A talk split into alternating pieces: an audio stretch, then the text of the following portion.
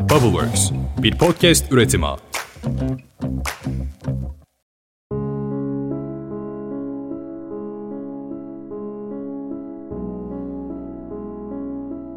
Herkese selam, Ditopik Düşüncelere hoş geldiniz. Ben Dilara. Ditopik Düşünceler'in son bölümünden bu yana yaşadığımız 6 Şubat tarihli Kahramanmaraş merkezli iki büyük depreme 20 Şubat'ta Hatay merkezli 6.4 büyüklüğünde bir deprem daha eklendi. Bu da bize açıkça çok ciddi bir deprem ülkesi olduğumuzu ve bu topraklar üzerinde her an depreme yakalanabileceğimizi bir kere daha anlatıyor. Yani deprem hakkında konuşan, sorgulayan bir toplum olmamız gerektiğini bu afetten korkarak değil normalimizin ve bilincimizin içinde bir olgu olarak yaşamamız gerektiğini çok daha iyi anlıyoruz. Yaşadıklarımızdan sonra Ditopik'te mini bir deprem serisi yapmaya karar verdik. Geçtiğimiz bölümde başımıza gelen bu iki depremin topraklarının dilinden konuşmaktan bahsetmiştik. Dünya genelinde benzer afetlerden sonra neler yaşanmış, nasıl reaksiyonlar alınmış, Türkiye'de neler olmuş bir bunlara bakalım.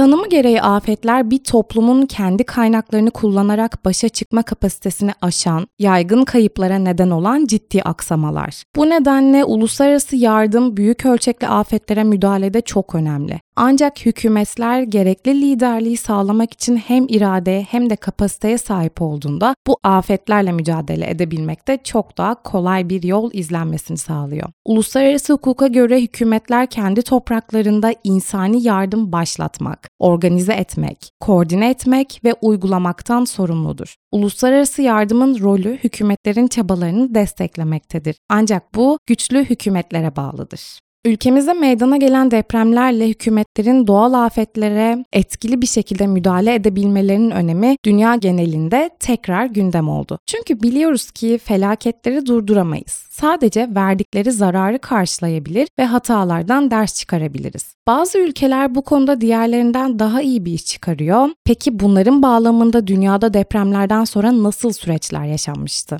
2011'de Japonya tarihinin en büyük depremiyle sarsıldı. O sırada dünyanın kaydedilen en büyük 7. sismik aktivitesiydi bu. 11 Mart 2011 tarihli bu deprem Japonya'nın kuzeydoğusundaki Honshu kıyılarının açıklarında 24 kilometre derinlikte 9 büyüklüğünde meydana gelmişti. Bu deprem Fukushima elektrik santralini vuran bir felaketti ve dahası büyük bir tsunami'yi tetiklemişti. Japonya'daki deprem ve tsunami'de 18 binden fazla insan hayatını kaybetti ve 500 bin kişi evlerini boşaltmak zorunda kaldı. Yaklaşık 300 bin bina yıkıldı ve 1 milyon bina hasar gördü. Peki bu deprem sonrasında neler oldu? Japon gönüllüleri yardım etmeye, vatandaşları yardım bağışlamaya, Japon hükümeti barınağa ihtiyacı olanlara barınak sağlamaya hızla yanıt verdi. Fukushima'nın ardından Tokyo atmosferik radyasyon seviyelerini kontrol altına almak ve en aza indirgemek için 15 milyar dolardan fazla harcama yaptı. Japon yetkililer yeniden yapılanma ve Japonya'nın 11 Eylül depreminin yıkıcı etkilerinden kurtulmasının 260 milyar dolardan fazlaya mal olacağını öngören çalışmalar yaptı. Bu depremden sonraki süreçte Japonya'da vatandaşlarının neler olup bittiğine dair güvenilir bilgilere erişebildiği bir ülke olması depremzedeler için olumlu etkiler uyandırmıştı.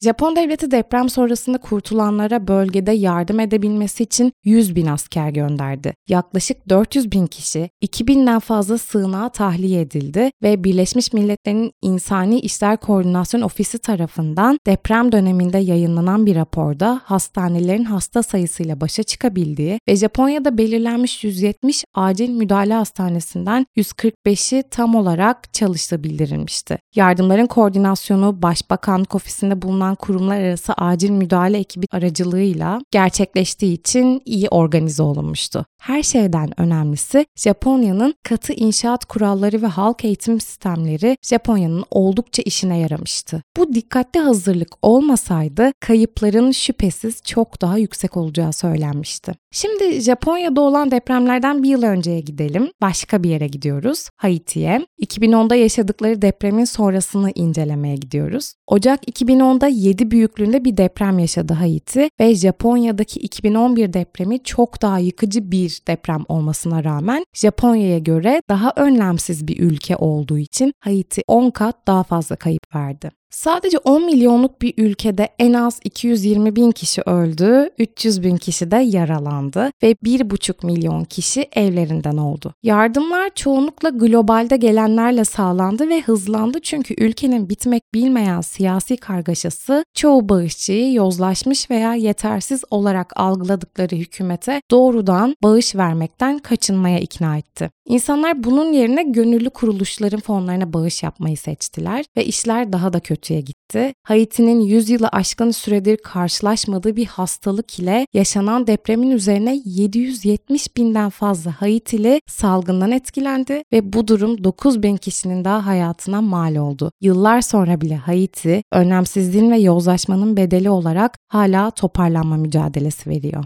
Son olarak Şili'ye gidiyoruz. Belki de bizim yaşadıklarımıza en yakın örnek diyebiliriz ama bazı farklarla. 27 Şubat 2010'da Şili'de Concepcion kenti yakınlarında çok şiddetli bir deprem meydana geldi. Önce 8.3 olarak duyurulan depremin büyüklüğü sonra 8.5'e, daha sonra da 8.8'e yükseltildi. Yerin 35 kilometre altında meydana gelen deprem yaklaşık 1,5 dakika sürdü. 2 milyon kişiyi etkileyen depremde 500 bin ev yıkıldı ya da ağır hasar gördü. Şili, Japonya gibi ekonomik bir güç merkezi olan bir ülke değil ve coğrafi şansı onu birden fazla fay hattının üzerine yerleştirmişti. Bu açıdan bize çok benzer bir örnek. 2010'dan bu yana Richter ölçeğine göre 8'in üzerinde kaydedilen 3 depremle sarsıldı Şili. 2010 depremi Şili hükümetinin yaklaşan bir tsunami ile ilgili zamanında uyarıda bulunmamasının bir sonucu olarak 500'den fazla kişinin ölümüne yol açtı. Ancak Şili bu hatadan ders aldı. Peki bu ders almanın sonucunda ne oldu? Şili'yi 2014 depremi vurduğunda hükümet hızlı bir şekilde kıyı bölgelerini tahliye ederek can kayıplarını minimumda tuttu.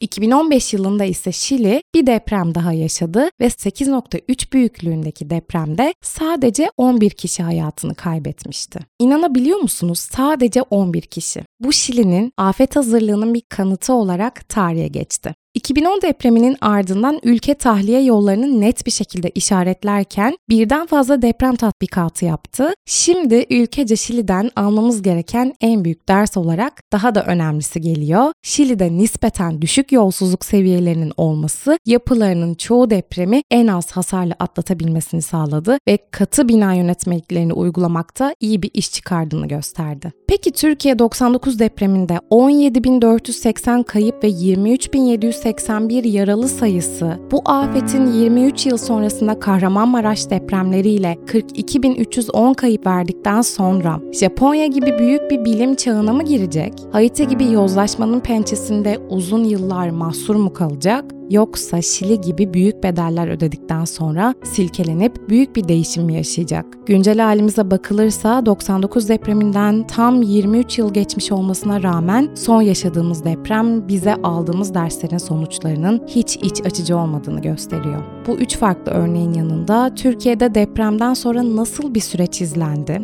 2 hatta 20 Şubat Hatay depremiyle 3 büyük depremi ardında çok büyük kayıplarla bırakan Türkiye bu ülkelere kıyasla neler yaşadı, neler yaşamalıydı? Bir sonraki bölümde bunları konuşuyor olacağız. Görüşmek üzere. Bay bay.